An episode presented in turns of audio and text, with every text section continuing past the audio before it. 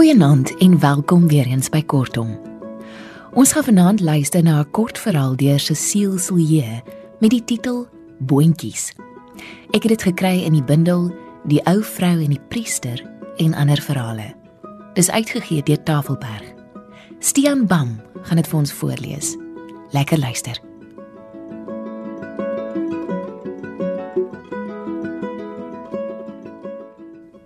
Ag, sy het nie gesterwe nie. Maar sy was sommer dood. Vir wat wonder hy het hierdie Tosius versie so lank gelede op skool geleer, vandag nou in sy kop kom lê. Hy probeer dit afskud. Maar die ritme en die woorde bly soos 'n lastige wysie draai. Hy sit op sy veldstoeltjie met sy rug teen die warm bakstene van die huis se buitemuur geleun. Sy rug rus lekker warm.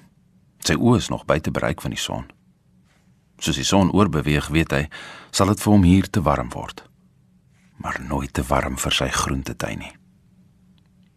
Is nie 'n groot akkergroente nie. Die ruimte in die veiligheidskompleks is beperk. Maar hy het iewers gelees van die deurboerdery op 'n klein erf en die tegniekie probeer toepas. Sy enkele bedding is darm groter as 'n deur. Dit beslaan seker so 3 vierkante meter. Maar hy het wel die deurmetode gebruik. Aan die buiterand, die skorsies sodat hulle na buitentoe kan rank. Dan die tomaties. En in die middel van die akker die groenmielies waarteen hy die boontjies opgerank het. Iewers het hy plek gemaak vir 'n rykie beet, bietjie wortels en 'n soetrusie of twee.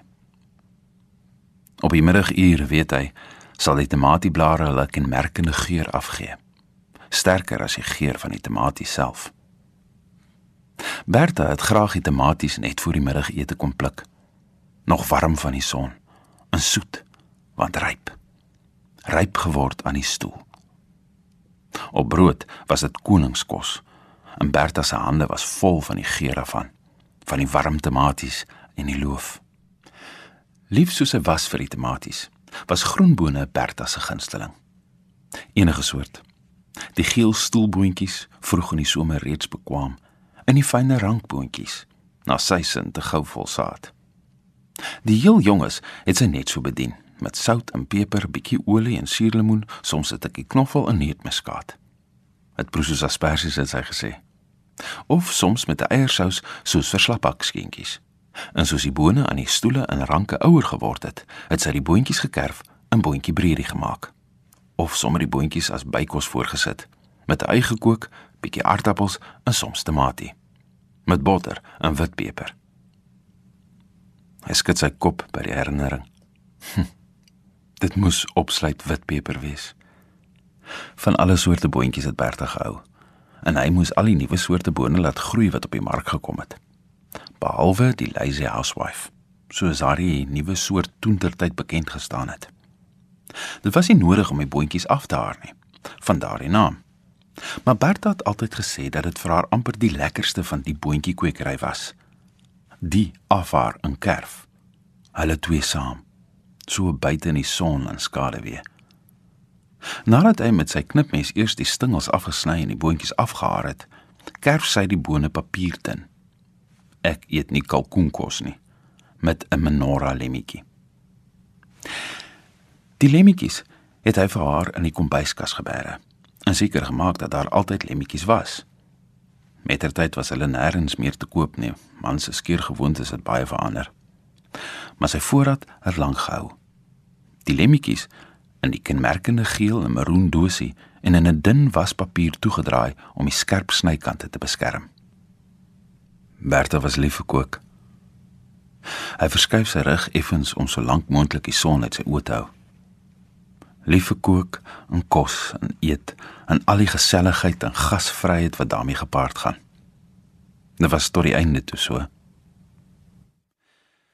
Kinders het hom verseker dat sy mettertyd al minder sou eet. Eindelik haarself sou verhonger.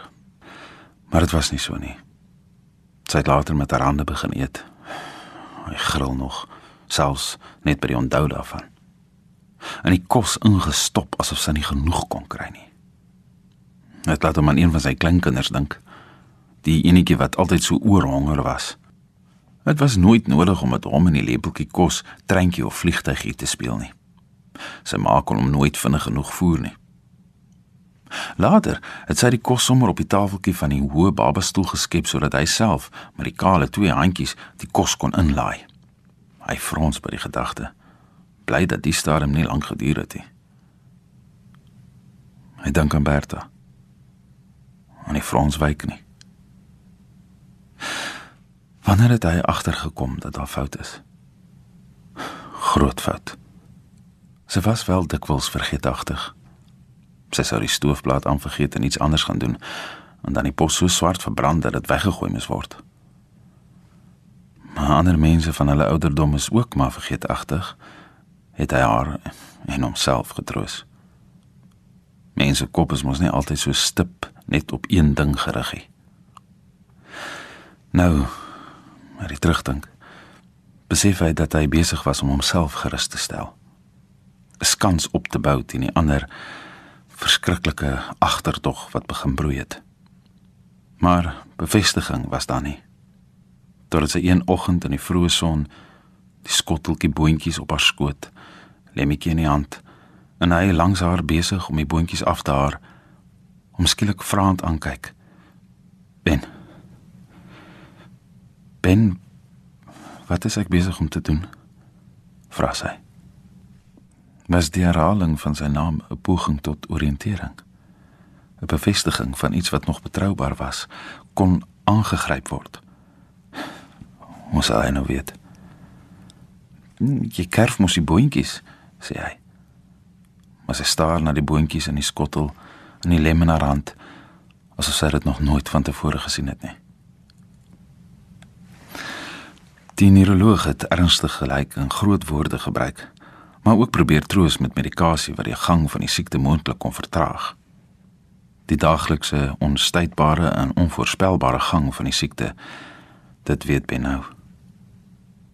Maar al wat toe in sy kop weer galm het, was die woorde van 'n jeugvriendin wat verdrietig van haar ma gesê het: "Dr. Alzheimer het by haar ingetrek." Maar hy in die muur sit, word sy bors vasgeklem deur 'n eindelose verdriet oor haar. Ja, maar veral oor homself. Verdriet oor sy ongeduld, oor sy angs wat hy op haar uitgehaal het, en sy eie vermoeidheid wat deur geen rus verlig kon word nie. Want niks het hom voorberei op hierdie nuwe rol as versorger nie. Hy moes inkopies doen en kook. Goed kook, want sy was steeds lief vir haar kos.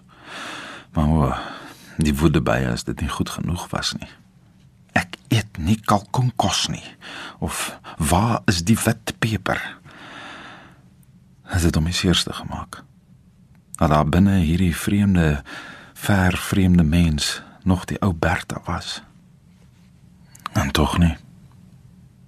Want soos 'n kind het sy agter hom aangeneel en die versorging van haar persoon was 'n daaglikse berg om te moet oor Eers het hy haar gereeld kapper toe geneem om haar te laat kleur en krul en nadat sy eendag haar kop onder die droër uitgetrek en weggeloop het, die polisie moes kom help soek. Het die haarkapster geweier om weer vir haar verantwoordelikheid te neem. Hy sug skielik. So swaar en diep dat sy hele liggaam daarvan rol. Die verleentheid en herinnering maak hom verskriklik seer. Maar die verleentheid was amper heel ergste dat hy hom vir haar moes skaam. Haar nêrens heen meer kon saamneem nie, sonder om aan ander te moet verduidelik of om verskoning te moet maak. Hy was besig om die skottelgoed na die middagete te was, sy een oog op die tuinpaadjie, want met die voordeur oop teen die hitte, moes hy gedurig dopper dat sy nie weggeloop nie. Hy sien twee onbekende vroue met die paadjie langs voordeur toe kom. Droog vinnig sy hande af. Bertale, sal hy sê. Sy het gaan rus na die middagete. Maar toe hoor hy haar stem vlak by die voordeur. 'n Stem vol verrassing en vreugde. Ek het geweet jy gaan kom. Ek het geweet. Ben ek het jou mos gesê vandag is die dag dat hulle gaan kom. Op die drempel staan twee wildvreemde vroue en by hulle gasvry en verwelkomend staan Bertha sonder 'n draad klere aan. Die vroue draai geskok weg, hardloop amper die paadjie af en hy maak gelater die voordeur agter hulle toe, sluit dit. Die sleutel hang hy hoog teen die muur op waar sy dit nie kan bykom nie. Toe hy omdraai, staan sy beteuterd na hom en kyk. Met 'n verskriklike, lang vergete teerheid sien haar vervalle liggaam. Die spiere sonder enige definisie, die platborste, die slap maag en die verwilderde oë. Kom, sê hy rustig. Kom ons twee gaan 'n bietjie lê. Sy lag soos 'n kind. Lepelê, sê sy. Lepelê. En saam sy lyf om haar gekrul, gaan lê hulle op die bed. Sy slaap feitelik onmiddellik. Maar snikke begin deur sy lyf te ruk. En warm onkeerbaar stroom die stortvloed trane oor sy gesig. Haar lewe het een lang sterwe geword. Het 'n angs oorweldig hom. Hy druk sy rug stywer teen die muur.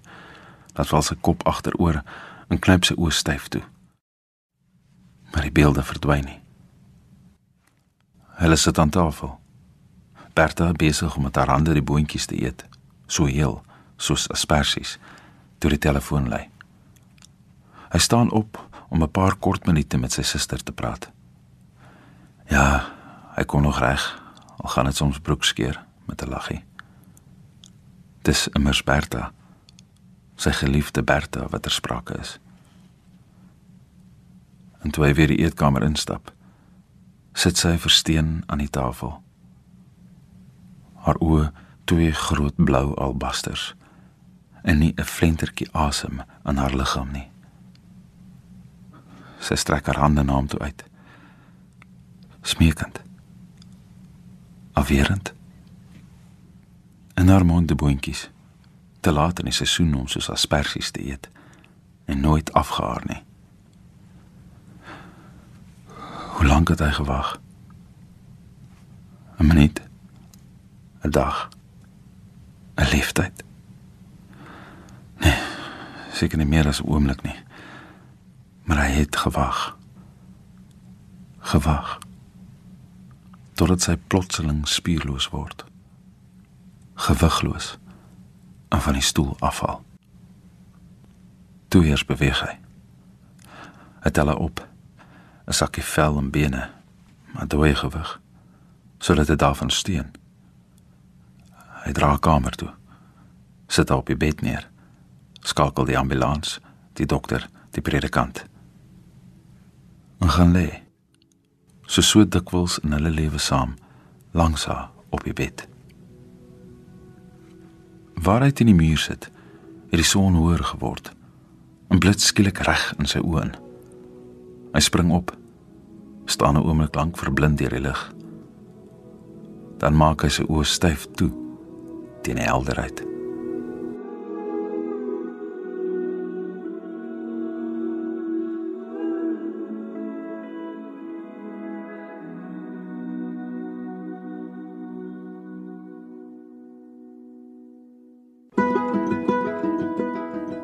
Het vanaand geluister na Boontjies uit die pen van Cecile Silje, gelees deur Stian Bam. Mag jy 'n wonderlike aand verder hê. Ons kuier weer volgende Dinsdag saam. Totsiens.